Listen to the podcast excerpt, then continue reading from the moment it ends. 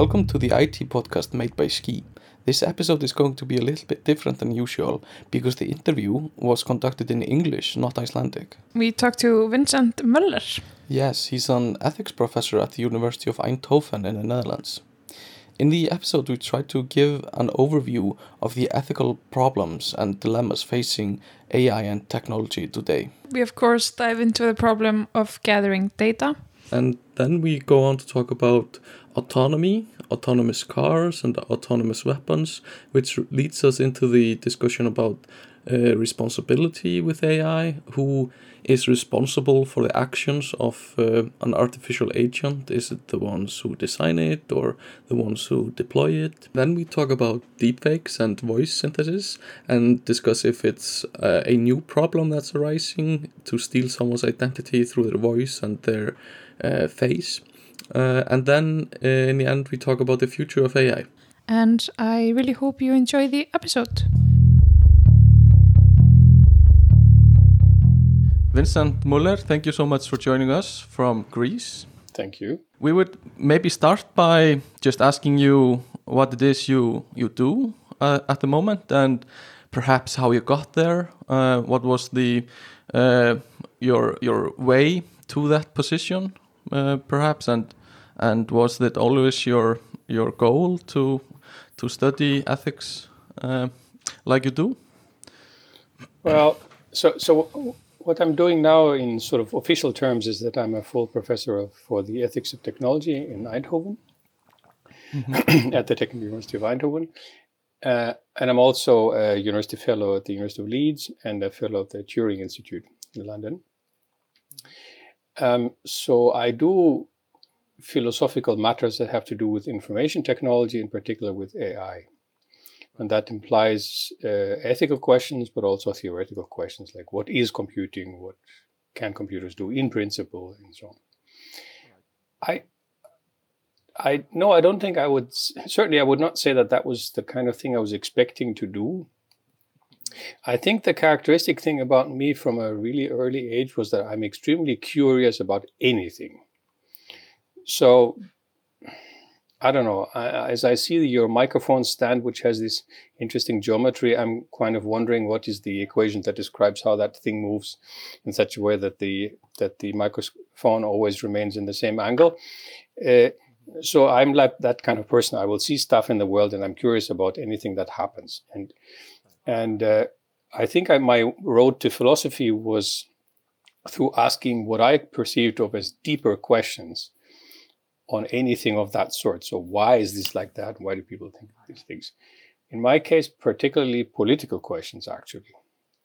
So I studied political science and philosophy when I was an undergraduate. I was unhappy with the political science people because I sort of stopped somewhere. You know, why is it like this? Why should people say this? And so I thought maybe the philosophers have something else to do there. And the other bit was that computers became a thing when I was an undergraduate uh, I mean, obviously computers existed before that, but they were completely unaffordable, highly expensive devices. So personal computers became a thing, and I was extremely curious about that. What is that thing, and why is it useful, and what could it do, and so on. And so I started working also a little bit in this area. So I discovered that uh, that you can make a little bit of money on the side as a student doing that kind of stuff. And I was expecting to be an unemployed philosopher anyway, so I thought I might as well do something um, which might pay my my ways. And so for many years, uh, I was doing parallel things about philosophy and about computing. I never got any formal education in computation, though. I didn't do a degree or anything like that. Uh, sadly, I think. Um, and for a long time, so I started looking at theoretical questions in philosophy uh, of computing, and and for a long time this was very difficult to sell. Anybody thought most, people thought this is just a complete waste of time. You should look at proper philosophical problems that we've known for two thousand years. Um, and, and of course, the computer science people, so the philosophers were saying, this isn't really philosophy what you're doing there. And the computer science people were saying, well, it certainly isn't computer science. That was definitely true. Uh, so, so what is it? I was sort of sitting between the chairs and nobody really liked it.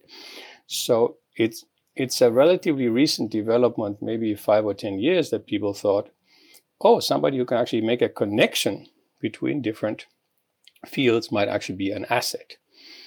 Uh, so the jobs I had before I went to Eindhoven in Oxford and in Leeds were basically I got these jobs on that basis that somebody who can speak to both sides, so to speak, both both areas of work.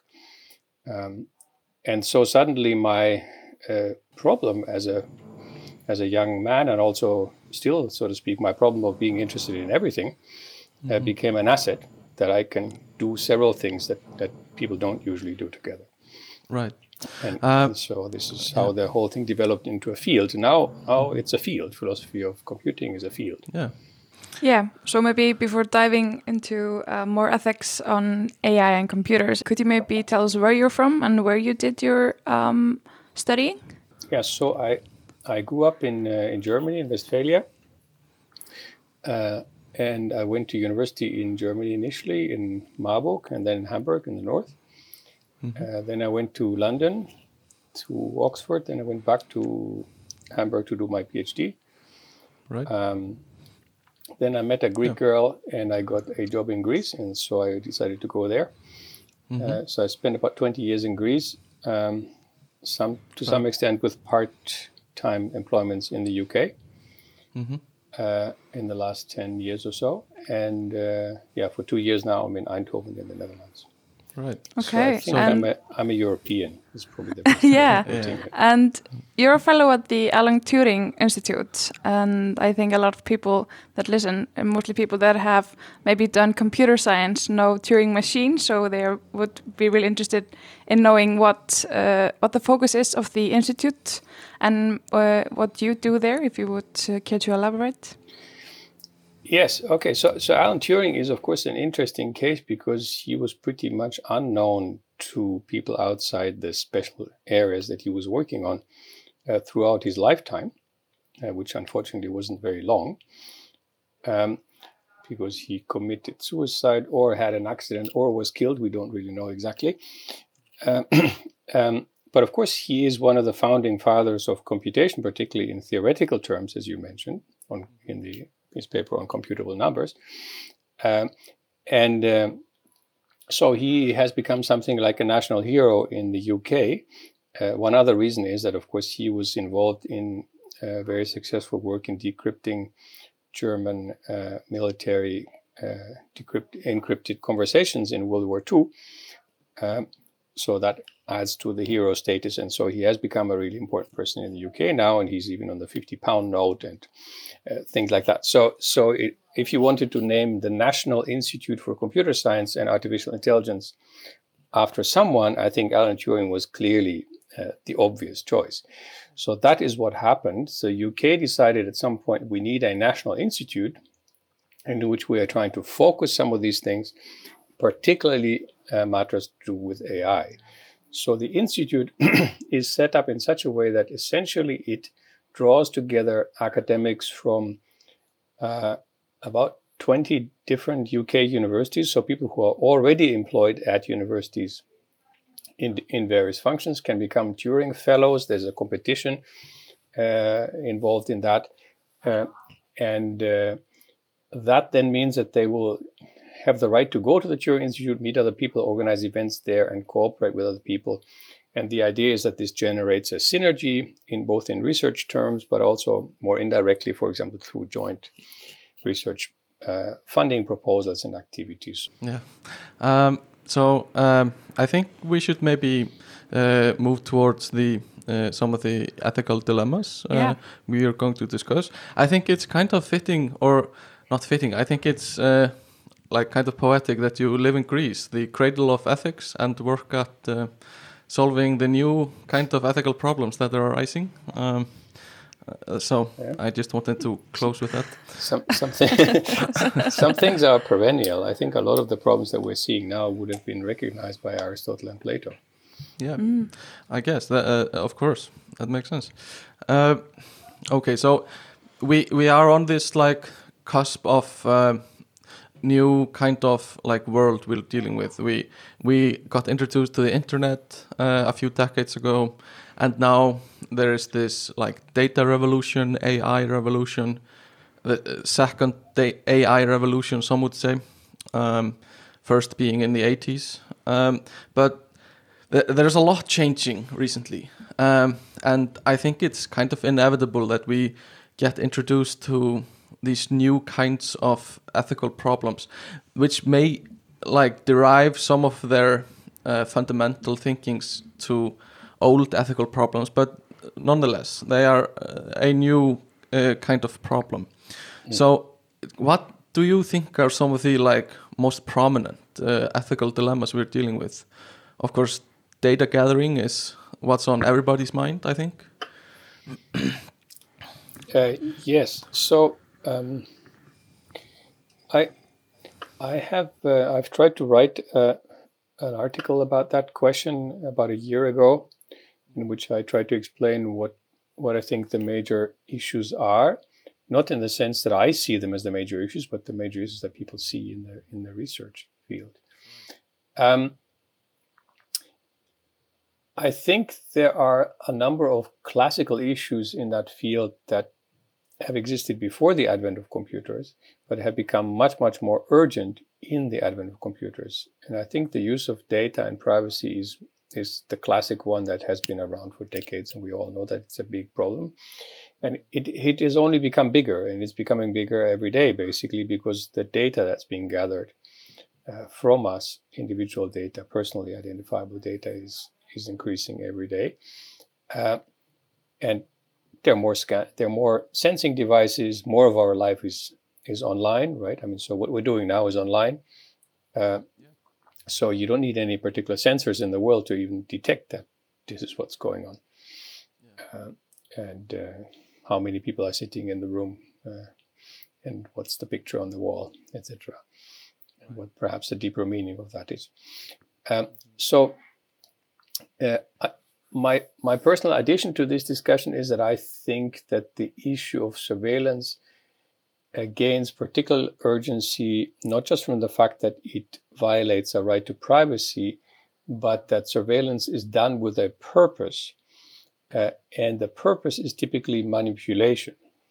So the reason why the data is valuable is because you can use the data to influence people's behaviors in such a way that they do what you want. Typically, that is to spend money. But it could be other things too, right? It could be vote for the so and so person at the elections or other things that you that you care about. So the more you know uh, about big big numbers of people, the easier it is to influence that big big number of people. So I think that manipulation is an important, uh, crucial aspect of the current internet economy, which is sometimes called a surveillance economy. So I, so I think that is that is the classic sort of mm-hmm. uh, big problem about surveillance. But there is this idea with this data gathering, um, and some people have it. I, I think, um, and we discussed it in in last episode. I think that uh, the general public like divides into these two areas. It's mm-hmm. it's the ones that like I like these personal ads. I like getting the things I want to shop for come straight to me through the feed.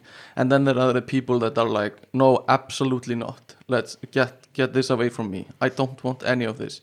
So is there any like downside to the idea uh, to either idea?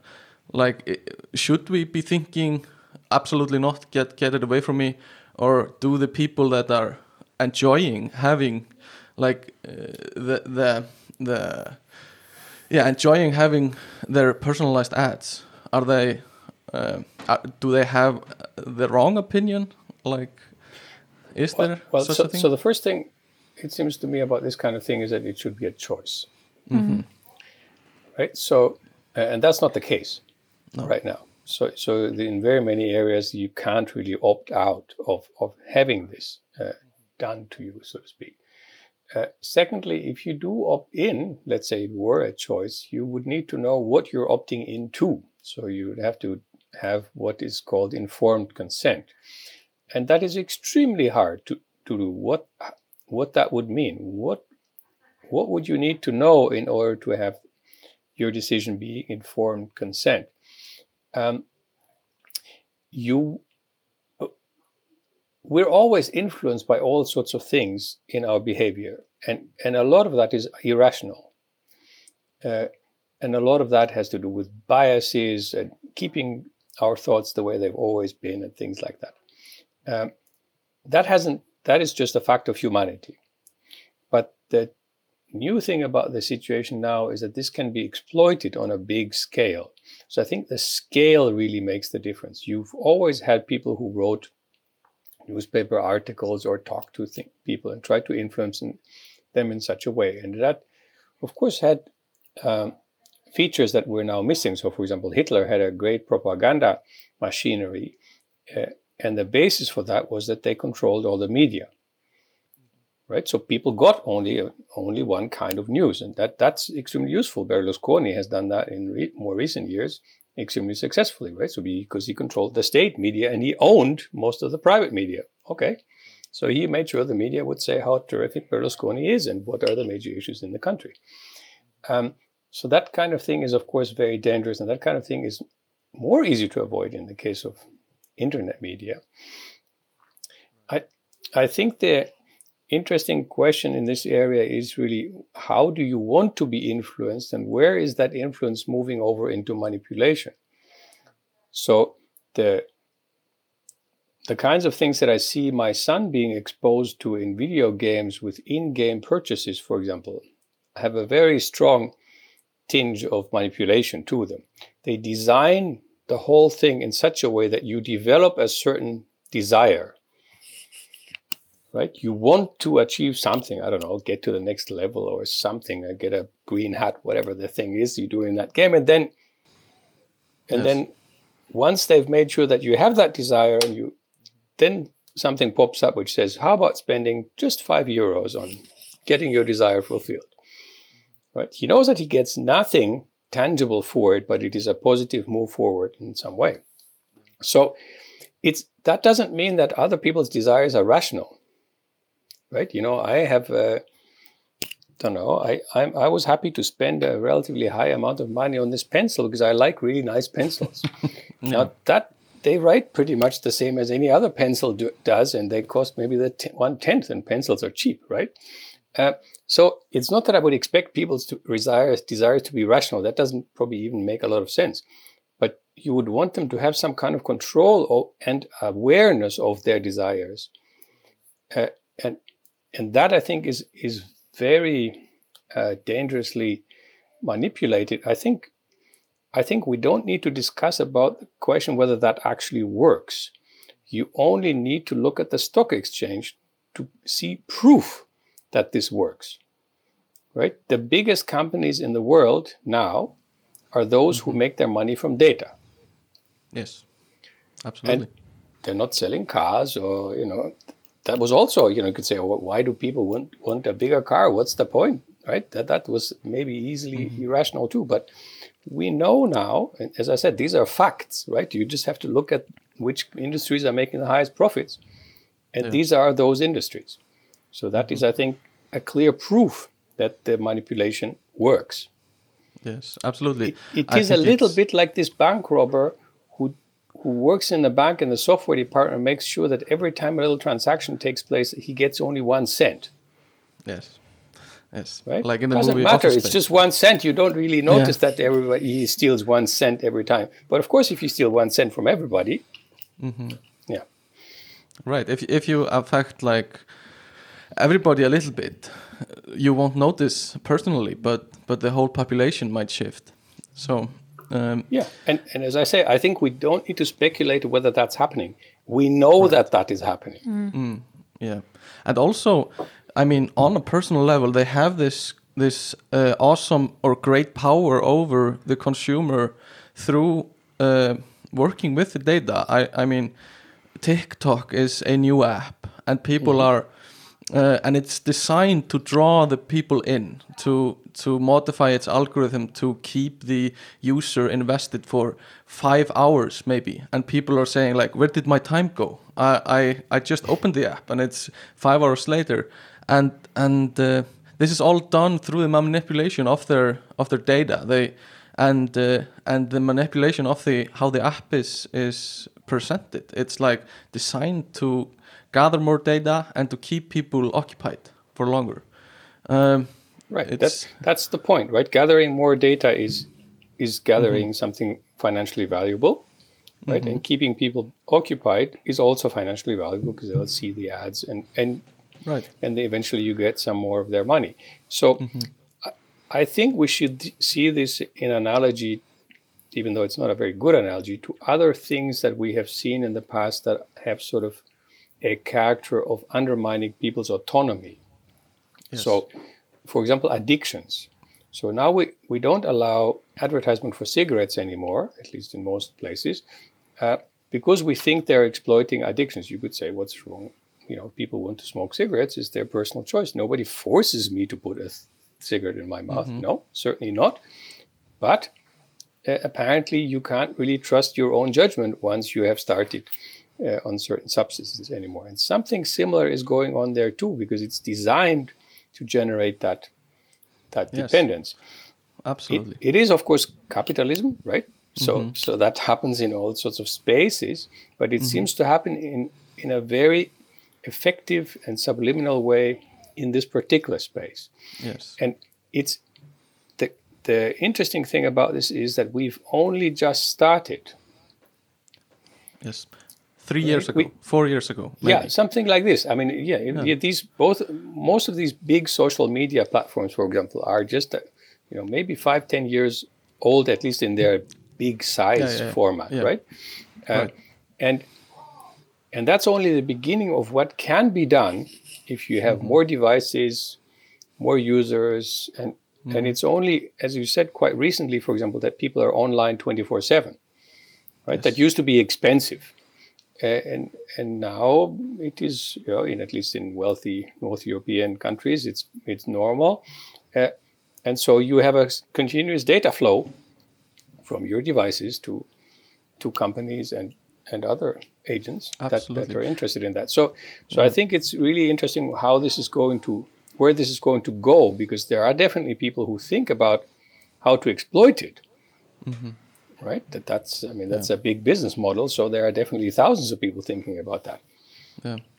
Uh, I think it's interesting the the analogy with cigarettes because in that case they could just uh, like put uh, uh a ban like with uh, legislation, just ban ads and and uh, some other things uh, in that area. But do you think that's uh, part of the solution in this?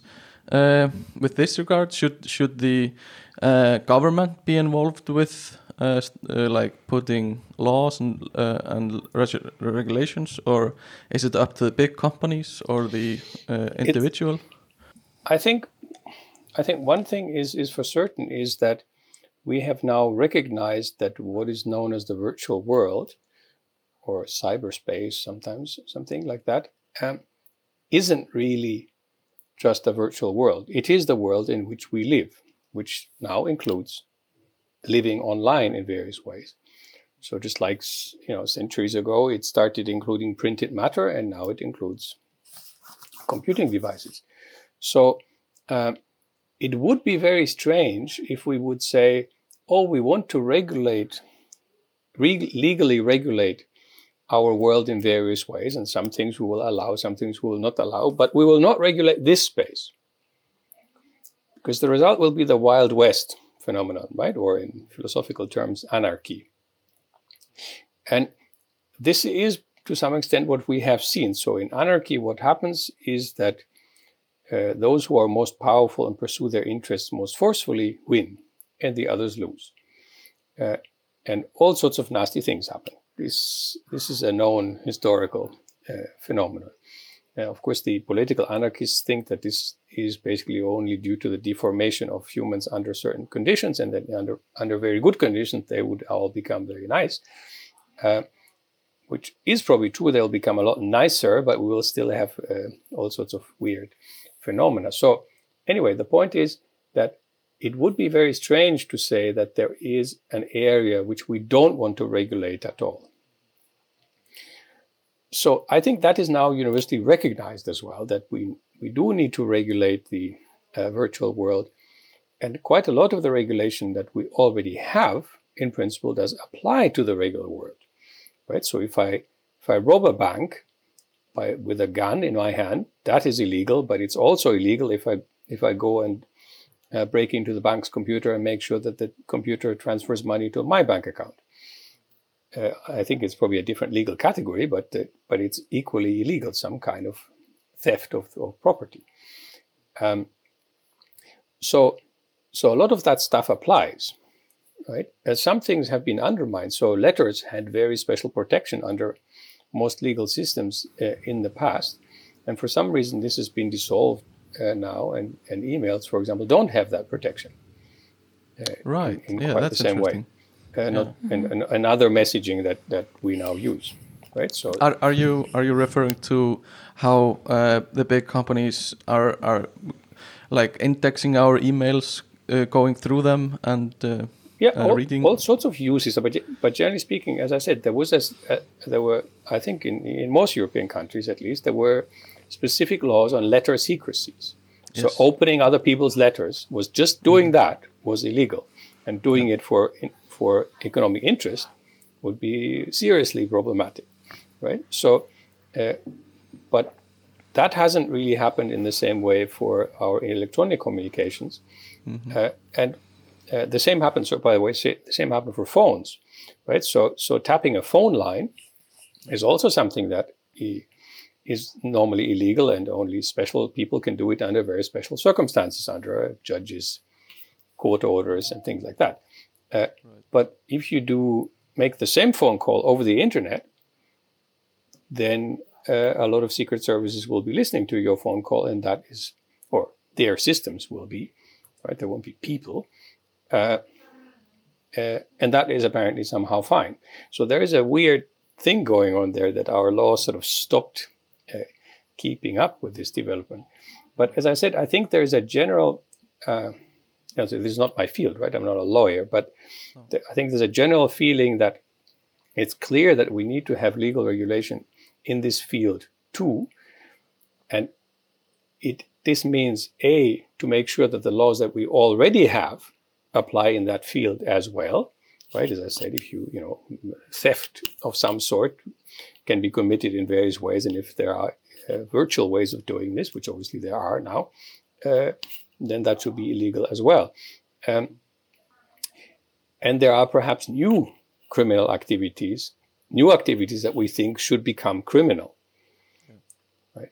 And right. and there are activities, of course, that you couldn't have done in the past. I don't know. There are people who publish uh, pornographic videos that they made with their girlfriends. Uh, at the time, the person consented and thought that was fun, and we do it between the, you and me, and, and that's obviously their business. But as soon as the person publishes that on the internet, it takes on a completely different uh, nature from even just showing a photo to someone else, mm-hmm. right? Because you're showing a photo to potentially millions of people. Mm-hmm. Uh, so there are a lot of activities now that that wouldn't have been possible without the technology uh, that we now have and the technologies that we will have. Right, right. So, so I th- and there are also problems, ethical problems that that are new. So as I, I said in the beginning, that there are ethical problems that that have always existed, uh, basically around information, data, and manipulation, uh, they become far more urgent in the in the uh, information age, but they've existed previously. Yes. But there are other problems that we have not had. So, for example, automated decision systems uh, just did not exist. Now we have those systems, and we will have a lot more of those. And so there's going to be an interesting problem: who's responsible for the actions of those systems?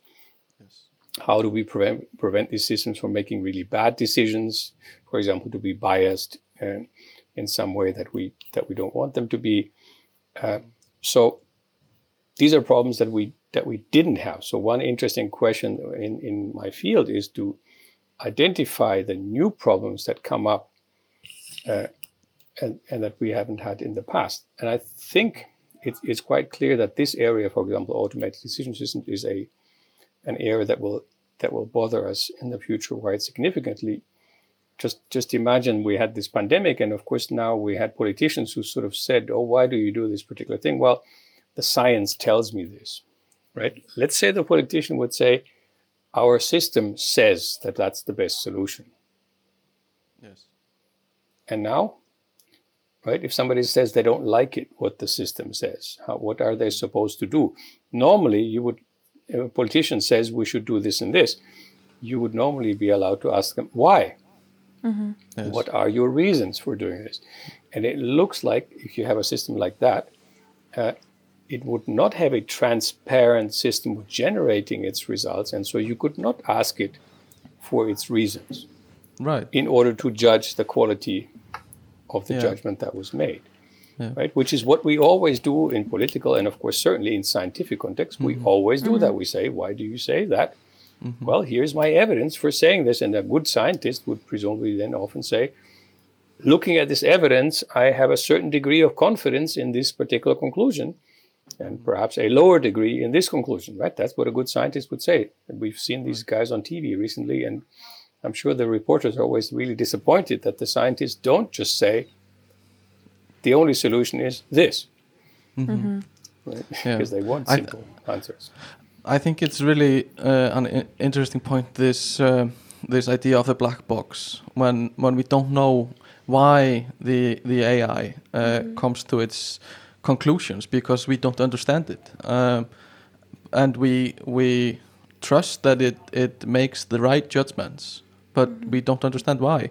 And I think, like you were talking about, the the bias element in in that uh, case is is very kind of scary like um, because you don't know why it's biased if it's biased uh, or or because it's just a black box you don't understand It is interesting to see why artificial intelligence systems have that black box phenomenon. Uh, you did mention complexity, that is one aspect of it. Uh, and we certainly do have systems like that outside of, of uh, of AI, where, where the complexity of the system is so high that we don't really know why things are happening.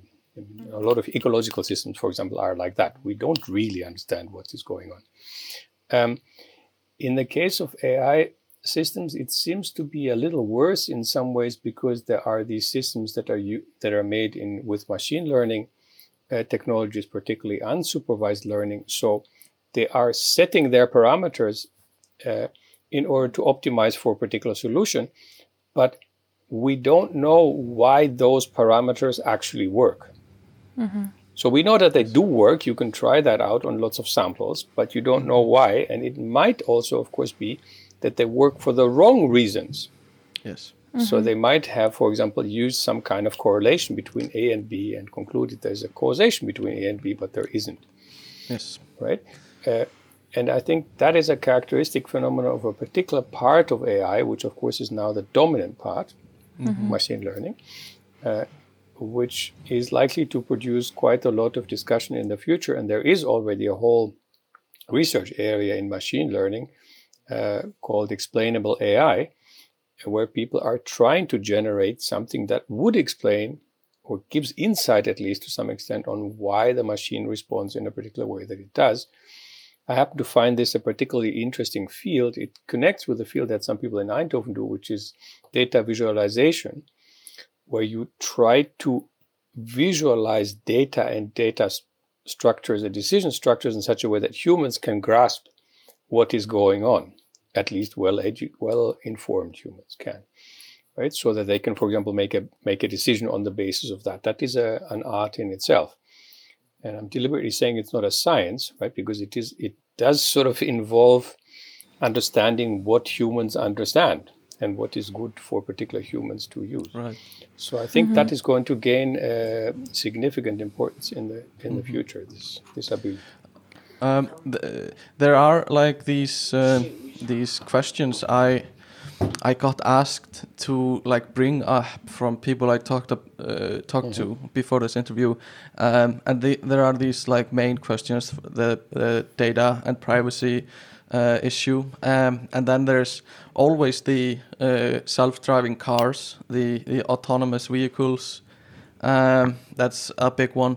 And then there is, uh, I would say, the older generation has this. Uh, uh, this is the most frequently asked question uh, within that group is like, are we going to lose jobs to AI? Is that something we should think about? Um, and I, I always say, oh, don't worry. but I, I don't know. I'm just like trying to uh, put out the fire. But it, it, do we have an opinion on that? Should we, uh, should this be something we, we think about when developing AI? Well, uh, the first thing I would like to say about this is that if people think it's a problem, then we should definitely look at that problem and try to find answers to it. So the mere fact that people are afraid of that, are concerned about that question, mm-hmm. is important enough. Right now, the question is: Is that concern really valid? Um, the concern uh, of the computers are taking our jobs has some mistakes on the surface of it. So one thing is that computers aren't taking jobs in a simple way that you would say Uh, people have argued that immigrants take the jobs, right? So there you have the idea that somebody comes into the country, goes, takes a job, and then the other person who was there before doesn't have the job anymore. That kind of thing. So one person replaces another person. That kind of thing, which of course also has problems, this argument, you know, needless to mention, but that kind of thing is not what happens in the case of computers. So you will not have sort of a little robot walking into your workplace and say, okay, you go out, I'll do this for you. What happens is uh, uh, some kind of uh, rationalization of work, of higher efficiency uh, of work uh, that automation, generally speaking, produces. So instead of having uh, four people doing the work, you might have three people doing the work with better tools. Mm-hmm. And that, of course, is something that has happened since the Industrial Revolution. Right? Uh, I, I, did try to dig a hole uh, some time ago in my garden, and eventually I discovered that it's a really complicated thing. And I've, I called somebody with a machine to do this, and they made the same hole literally in a minute. It was just the machine digging, bam, and the hole was there. I mean, he was sort of cleaning up a bit afterwards, and that was pretty much it. Right? That would have taken me with a shovel two weeks easily. Right? So uh, that is that is automation, and we, it makes work a lot more efficient. So this guy with his digger can make much better holes in shorter time. Okay, so you don't need so many people with shovels as a result. So that is a correct thought to start with. So yes, people with shovels will will get unemployed as soon as the guy with the digging machine shows up and does the job more efficiently. So that is a social problem in itself. Okay, that these people do become unemployed, and that is happening. So that is happening in the computer era, for example, in banking and insurance. There are now people losing jobs on a big scale in these areas because we don't need so many people anymore, because we don't go to banks. I don't know whether you go to banks. I don't go to banks anymore. I don't. right? You know, for in cash, in out, and so no, that that's uh, that's over. So you don't need these people anymore. Okay. Mm-hmm. So the people with a shovel in my example will become unemployed. That doesn't mean that in the long run they'll be worse off because it could be that the economical situation overall improves in such a way that uh, the they can sell their labor in a different spot uh, and actually make more money and perhaps even have a better job. So the person who owns the digger and comes and digs a hole in my garden uh, is happy, I think, that he doesn't need to dig holes with a shovel anymore. And he can make a lot more money now than he could by himself or even with three other guys uh, having shovels in their hands. So that can work and often has worked right? So the reason why Iceland is now a much wealthier country than it was 100 years ago mm-hmm. uh, is that you have much, much more efficient uh, working conditions than you right. used to have. Mm-hmm. Okay, right. So a lot of the fishermen, which I'm sure existed in the past, have become un- unemployed, definitely. But they're now doing other things which are very likely much more profitable than what they're used to. And so in the end, is if you have the transition, the transition is a problem but if you sort that transition out, it can work out fine for everybody. Yeah. So that is the way it usually works. The question is, does it work like that this time as well? Mm-hmm. And that the answer to that I think is not obvious. So some people who know more about this than me, economists, labor economists, have told me, um, in particular Maarten Goos, whom I respect very much on this issue, is in Utrecht. He says the problem about this thing is a that there is a dumbbell effect, he calls that. So the labor market gets thinned out in the middle and becomes thicker at both ends. So the highly qualified people, the guy with the digger machine in my previous model, right? They win. So they, they become more of that. Then the highly unqualified people. So so the, the people with the shovel, but also the people who serve the coffees and so on, they also this labor market also wins, they get bigger. But the people in the middle who used to do normal, reasonably qualified jobs and got reasonably paid for that, they get squeezed out. Right? So the guys who used to work in the bank and behind the counter and so on, they did a training, but they were not super specialized people. They get squeezed out. So there is a real problem that they get squeezed out to the unskilled uh, market, labor market. Right? And of course, the question is also what happens if you squeeze that far more? Right. Right. So, mm-hmm. so I remember he, he, we were in a workshop actually yesterday, Mark and I. Uh, he said that that Google employs 80,000 people, if I remember the number correctly, and General Motors at its heyday employed a million people. Yeah. Okay, right. that's a very big difference. Yes. Okay. Mm-hmm. Extreme. So, so, so you see that he thinks there is a real threat that the mechanism that we used to have for creating new jobs won't work as efficiently as we hope it would work. Mm-hmm. So there will be new jobs created and there is new wealth created, definitely. But the difficulty is are we going to distribute the wealth properly? Mm-hmm. A. And is it really going to result in jobs for everybody who wants one? Yeah. That will right. be a difficulty. Yeah, I think it's an interesting point that uh, like kind of the biggest corporation in the world right now has just a fraction of the manpower uh, the biggest corporation had uh, 50 years ago or something like that. Mm -hmm. um, Christian, yeah, maybe shifting back to the uh, models behind decision making and uh, focusing maybe on softwares that are made. Um, there's this um, discussion on well, you get certain results from different softwares. And for example, we had this software that chose a uh, candidate out of a bundle of CVs. And they always cho chose a man instead of someone else.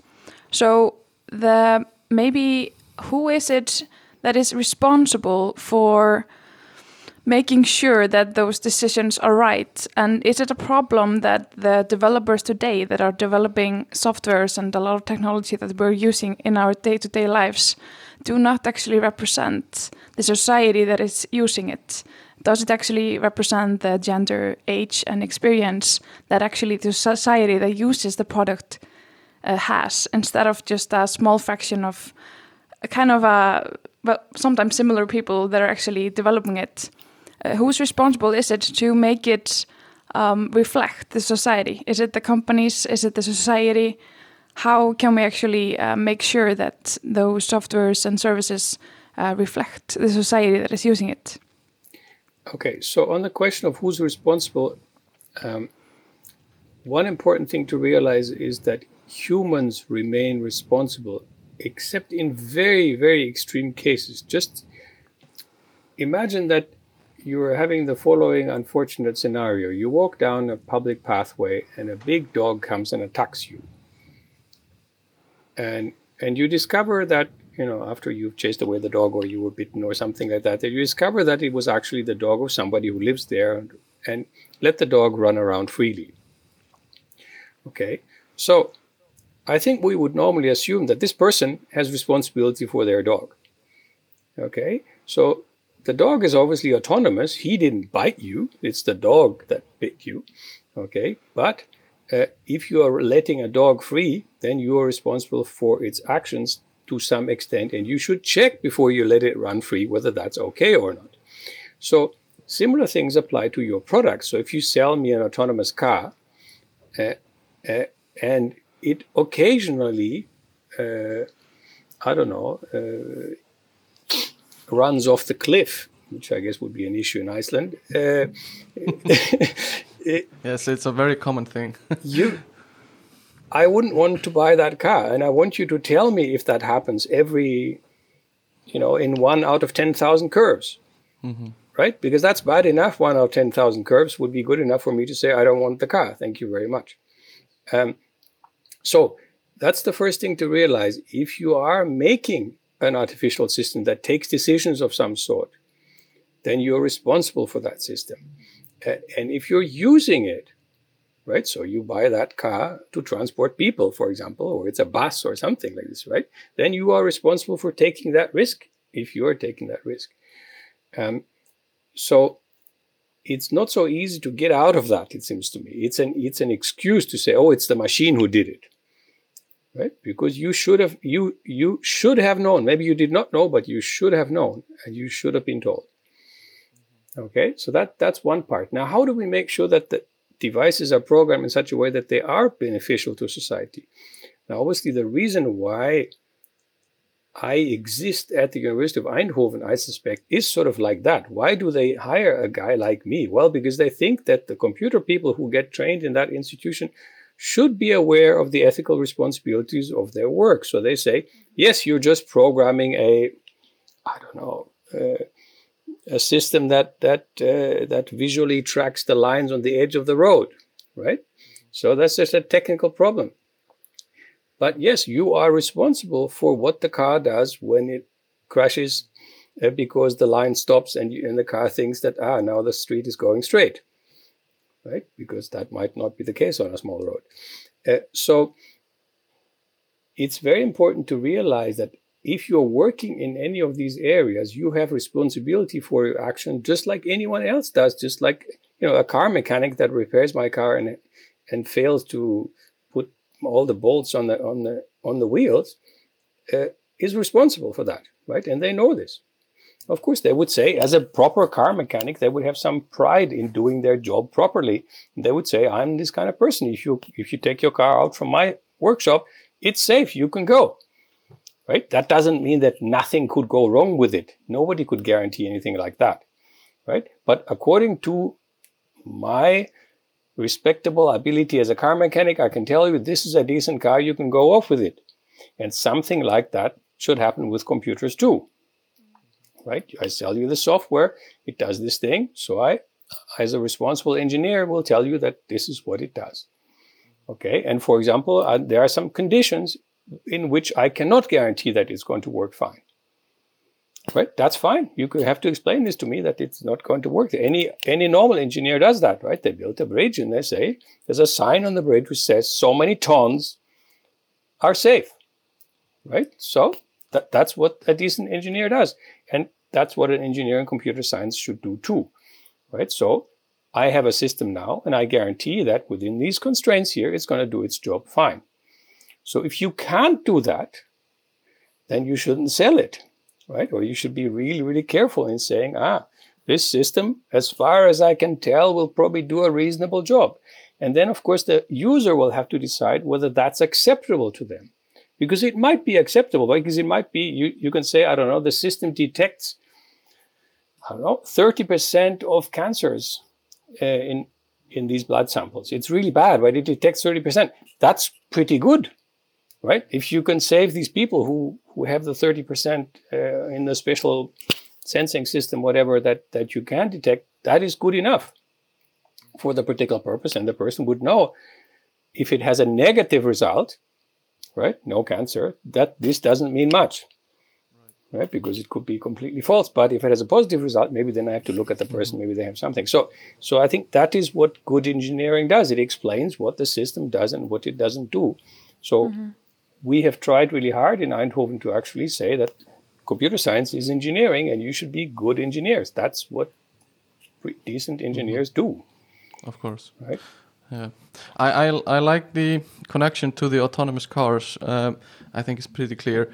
Uh, another thing, uh, kind of similar or related to the autonomous cars, are uh, something I, I read uh, that you wrote about autonomous weapons. That uh, that I think is really interesting. like this uh, idea that we are able to uh, uh, like uh, attack someone or, or or put something in motion that that uh, is supposed to harm other people, kill other people, and we have almost detached it from any uh, responsibility by making it autonomous. It, it does all the work by itself. It uh, it uh, kind of robs the the deceased or the affected of of somebody being responsible for their death. Um, do you think this is something that will be more prominent in the uh, coming years and something that is uh, something we should worry about?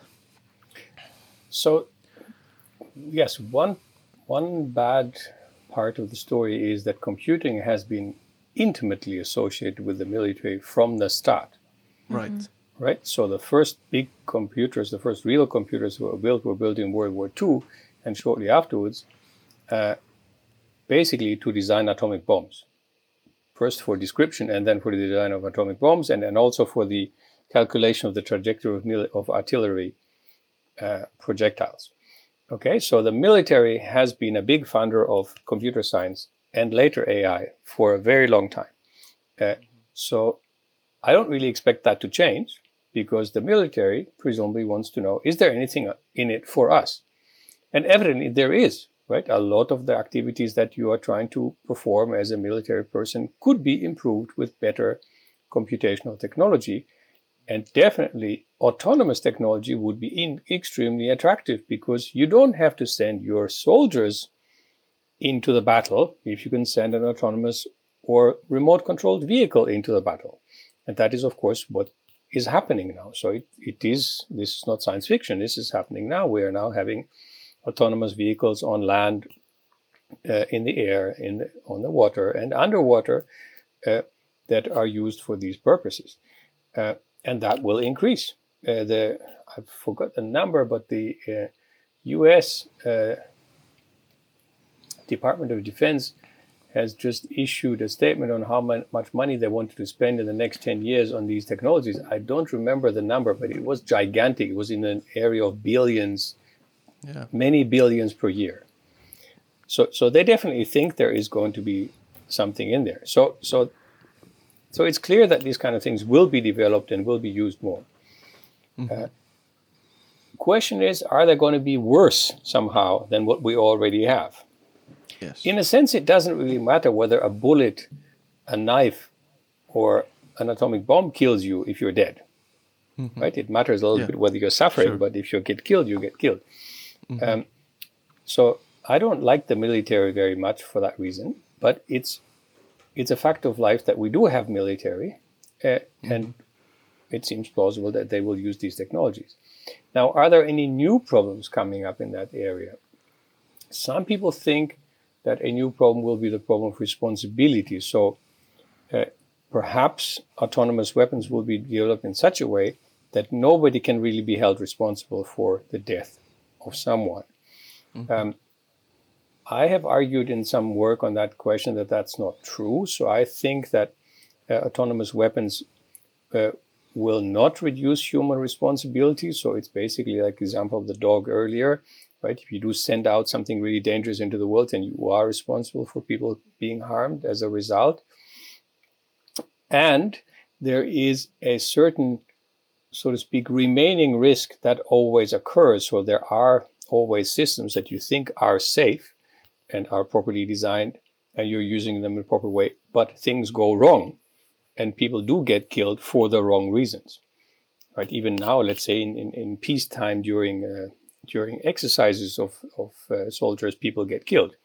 Uh, that's of course unfortunate, but but does but does happen, right? So so there will be people who get killed without anybody being specifically responsible.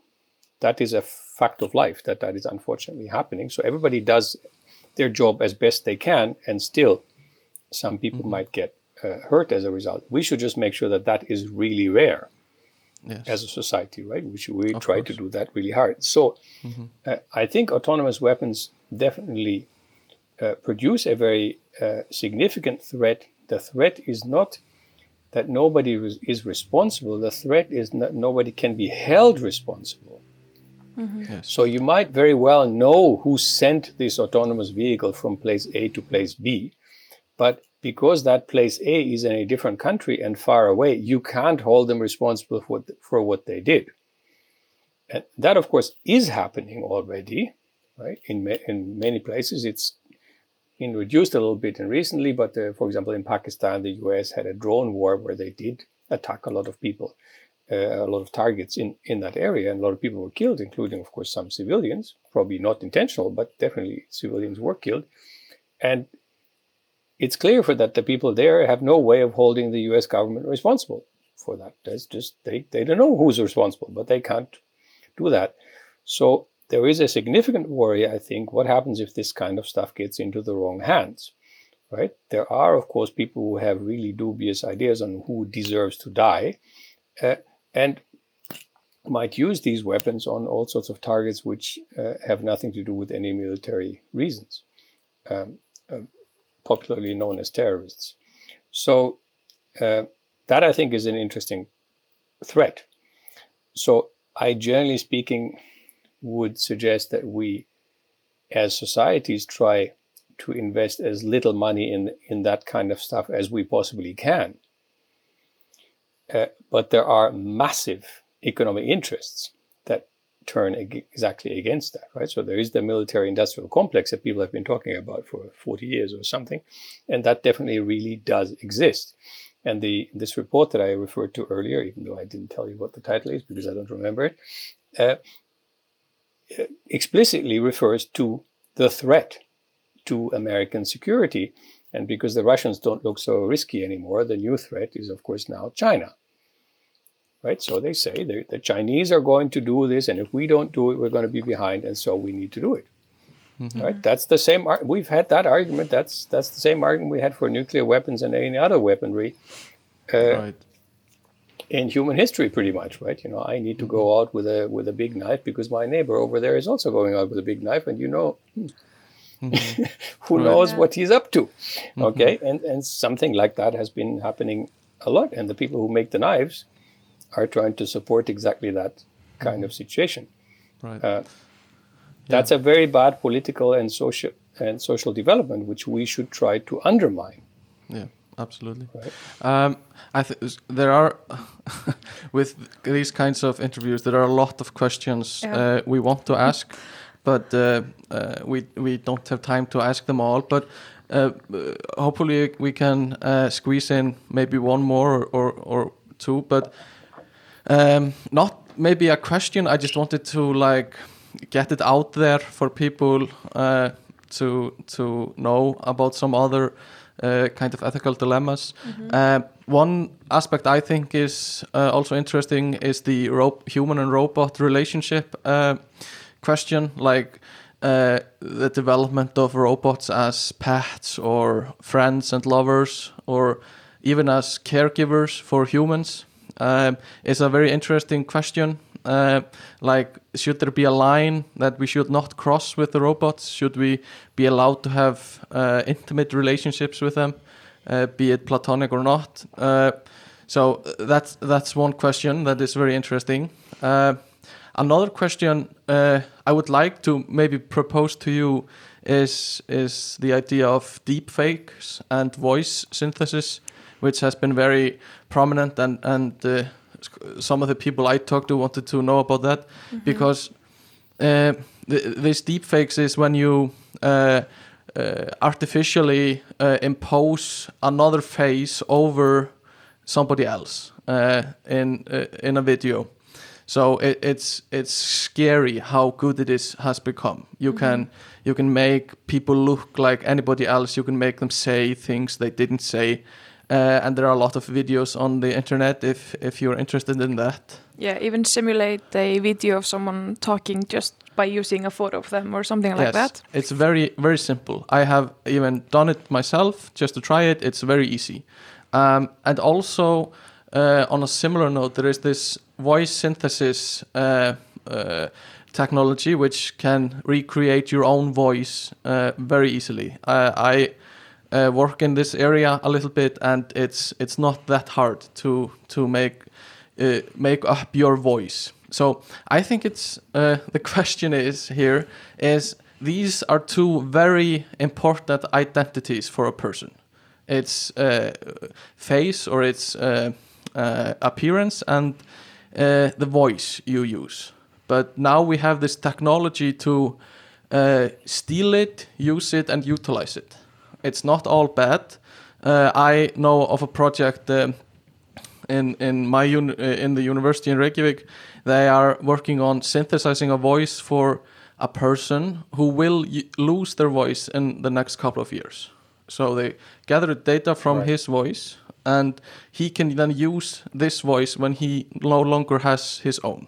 So that's a beautiful, beautiful uh, application of technology. You can hold on to your identity through the voice. But what uh, what problems can arise from this like theft of the really really personal identity of the face and voice? I, I'm I'm not sure, to be honest, that that problem is as big as we make it. So, uh, many years ago, there was a thing about the ability to fake video. So, so with of course computational means, but but you know with very uh, uh, high amounts of processing, you could generate videos that that would involve people doing things which they haven't done, right? So people were saying, "Oh, this is a real danger because you now generate a video which shows Vincent stabbing uh, so and so, and, and the result might be that I end up in prison for the murder that I didn't commit." And similar things, of course, have happened in the past with writing and with photos, and so on. So in some way, I would say, okay, this is just the next step in that development. We'll have more of these things. And it will generate more insecurity. So if I do see a video of, I don't know, Obama saying something, I might be more suspicious that he actually said that. And if that development goes further and further, then I might be suspicious that you even exist, right? That uh, that the face I'm currently seeing really is yours, or that you look anywhere like the way you are. Uh, presenting yourself or that you as i said maybe you don't exist at all it's just a, uh, you're just an artificial person that somebody generated um, so in some ways i would say this is not such a big deal it could become a big deal if it really invades our lives on a bigger scale uh, and i think that is real because we now live online to such a big extent that we can't just say oh yeah never mind i'll meet this person one day and then i'll find out because you might not meet them, or by the time you meet them, it's too late. So that's one aspect in personal life. And the other one is, of course, uh, propaganda, right? Where you can use this kind of features online. And that, of course, again, has been done in the past, right? People were faking videos and photos and so on to show things.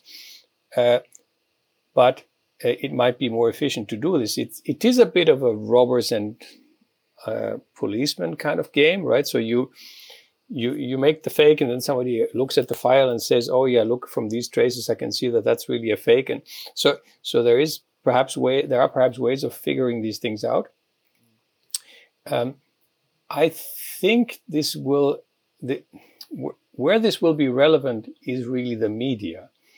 So so what we do have and i think that's a much bigger problem is that we have a general tendency of not believing anything anymore. So if so so uh, some people in america call that the bullshit theory. So right? So so that it any bullshit is as good as any other. And and that seems to have taken hold in uh, in uh, spaces on a really big scale so apparently now a really large number of americans believe that the uh, last presidential elections uh, were fraudulent uh, and that Trump really won these elections. And they don't seem to make any difference anymore between sort of good evidence and other evidence. Right. And I find it really not obvious how we can get over that. And I sort of what I do is a very sort of old fashioned thing. So I read, obviously, I get my news online, but I get it mostly from sources that I did know when they were still offline. Mm. Yeah. Right? When there were newspapers and sort of old fashioned, mm-hmm. you know, actual paper in the cafe.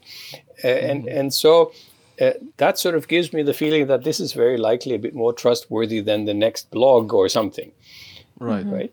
Um, Yeah. but really, of course, I have no way of telling. And we have relatively little legal control, but we have some legal control over these things. So I think that that is going to be a development that will uh, shape things in very interesting ways. So social media are definitely an area uh, that a lot of people in in ethics and political science are looking into. How are they shaping our world? How are they shaping opinions? And how does this w- manipulation work? That is what we discussed in the beginning. So I, I think that Yeah. that is definitely a, a serious area of concern. But I think the fakes, the, the deep fake issue is is one aspect of that. One Right. other aspect of the faking, by the way, which which I think we might want to consider is, of course, uh, AI systems that generate text. Yes. So there are now systems that are pretty good at doing that. Not the content is sort of so-so, but at least they can sort of mim- mimic a certain type of text that they have. They can produce a new text which is of that type uh, pretty well. So you can quite easily imagine that you will ha- suddenly have confusions over who wrote what and whether the author even exists and whether that is a plagiarized or not plagiarized text and so on. That kind of problems didn't exist in the past. So I, I think I think there will be interesting uh, problems going on there. But I think the biggest problem in the area of fakes is what, what's called the public sphere. That that's been undermined uh, in a way that I think hasn't happened in the past. And, and, I, and I think that that is that is a new development. Yeah, uh, I I just yeah um, uh, I thought it was an interesting. Of course, what you're saying is right. I think that that's the main problem. But um, I thought the question was interesting. Do you have the rights to your own voice and your own face if you have published it online uh, and it's so easy to uh, manipulate it to use it? Are you still the owner of your voice? Um, was was one of the questions I was thinking about. Um, I, I believe that. Uh, no, no, this is a question which presumably a lawyer should answer that. Yeah. But I believe that you do have the, these rights. But it's also one of those things that, one of those th- things which are weird that happen in the law, that um, things change in actual practice without the law changing. So Right. in the past, if you wanted to publish a photo of me in a newspaper, you would have to ask me first, get my permission, unless I am A, a person of public interest, for example, a politician or something like this, or B, you're not making a photo of me, but you're making a photo of like a square and I happen to be in it somehow, and not a big deal and small and perhaps not recognizable. That rule has has not been abolished, mm-hmm. but practically has been has vanished. Mm-hmm. Right? Practically, people Right. now find it normal that I go somewhere, I give a talk, which of course something is I do. I do. They make videos and they publish these on the internet. I said, "Wait, did you have my permission to publish the video on the internet of all this nonsense I've been saying?" Uh, right. Uh, no. And so here I gave you the permission to record what I said, but if you want to publish it, you have to ask me first whether that thing that I said you want it published. And if, for example, I said in a moment of inattention mm-hmm. something that I consider stupid or offensive or something, then I'd rather not have it published. Right? Because mistakes happen and I don't want them to be out there. And that would be my right. But it's very hard to enforce that kind of thing nowadays. Mm-hmm. Right? So that that is the same problem that, that we that we mentioned earlier. You know mm-hmm. who's responsible, but holding them responsible mm-hmm. Yes. might Absolutely. be impossible. What am I going to do? I'm mm-hmm. going to, you know, sue you in Iceland if you do something like that. Uh, you know, no way that I'm going to have any su- success with that, or it's going to take ages and cost a lot of money for almost nothing. Right, and very likely I'll produce this Streisand effect. So if I try to suppress some Of course. information, it actually becomes bigger. right, so, of course. so so I'm going to have the even worse situation. One thing I, I thought was particularly interesting um, from from something you wrote was uh, an article. I think it was a meta study you did with Nick Bostrom uh, about uh, high level AI. Um, so you you surveyed a lot of um, uh, people in the academia and in the field, uh, I guess, um, about how likely it would be that we we see the rise of high level AI in the future. Um, could you Yeah. maybe address uh, the results of that uh, uh, article, or and, and tell us what high level AI means? Um, so the, the so thanks. The term that we used in that uh, investigation uh, was human level uh, human level machine intelligence, I believe, yes. HLMI. Um, so what we did was we were trying to figure out what do people think uh, how likely it is that AI will reach roughly human level. And because we didn't want to ask people about their prejudices, we deliberately invented a new word and said, okay, how do we, we let's say this new thing, we call that human level machine intelligence, and, and we define it as the machine can do pretty much any human profession that was the way we, we said it. Okay, we said there might be professions where it's important that you are a human for doing them, so we take those out of the equation. But otherwise, pretty much any other profession, so for example, being a philosophy professor, a journalist, and so on, should all be fine, right? So, uh, and then we asked people what when they thought this would occur, with which certainty or which probability that they would allocate to this to this particular event. Um, and at the time when we did that, which was about five years ago, we uh, got a 50% certainty point around 2050, uh, 40. So people at that time in AI and in philosophy of AI were expecting that this kind of machinery would occur at the median point around that time. Um, I think if you would ask them now, you would probably get slightly different responses, but I haven't done that yet. We might do that again, just try to see how things have developed in the meantime, ask the same people. Um, it is, of course, as you rightly say, just a meta study, right? So we ask people what they think. Okay, so we, you know, it's the future. People don't know what is going to happen. We assume that they can say something about it. Um, the point of that of that exercise was that Nick Bostrom wanted to show that thinking about human level intelligence in AI is necessary now. Because if it is only a couple of decades ahead, then it would be better if we would know about it now, would know how to respond to it. Um, I would say that very likely we wouldn't quite ask the same question now if we would ask it again, because what we see now is that human intelligence and machine intelligence are really quite different beasts. So we expect that machine intelligence is su- surpassing human intelligence in some ways quite dramatically. And in some other ways, it is very, very hard to do things that are really quite easy for humans. Uh, and, and so it it's not obvious that there is, so to speak, the same thing that you can compare between a machine and a human and say the one is faster than the other or something like that. Um, so I uh, this is also one place where the, my views and Nick's went uh, in different directions, right? So he, he thinks there is a uh, a trajectory of AI that is leading to super intelligence and that is a, a risk for humanity. And I tend to think that that is uh, not the case. Mm-hmm. I tend to think that the, the intelligence of AI is really quite a different thing and is not likely to, leave, to lead to uh, existential risk. But right. that is an open question. You know, he may mm-hmm. be right. Uh, and I'm sure we both hope that he's not. yeah. Um, I think those might be a uh, great words to to wrap it up. Um, uh, is there anything you would like to add, or um, or do you think we have covered uh, uh, what we set out to do?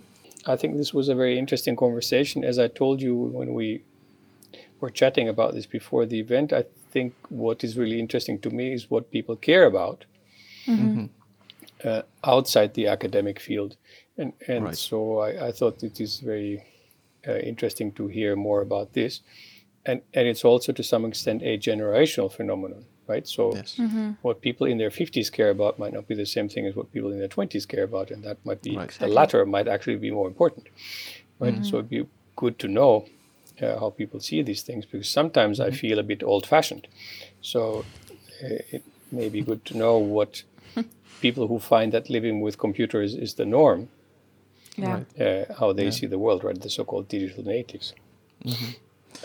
Yeah. Thank you so much for joining us. Yeah, Uh, and taking the time to uh, yeah. have this interview with us over Mhm. the internet, all the way from Greece. Yes, uh, we really Thank you. appreciate it, and uh, yes, thank you. Yeah, thank you for the interesting conversation.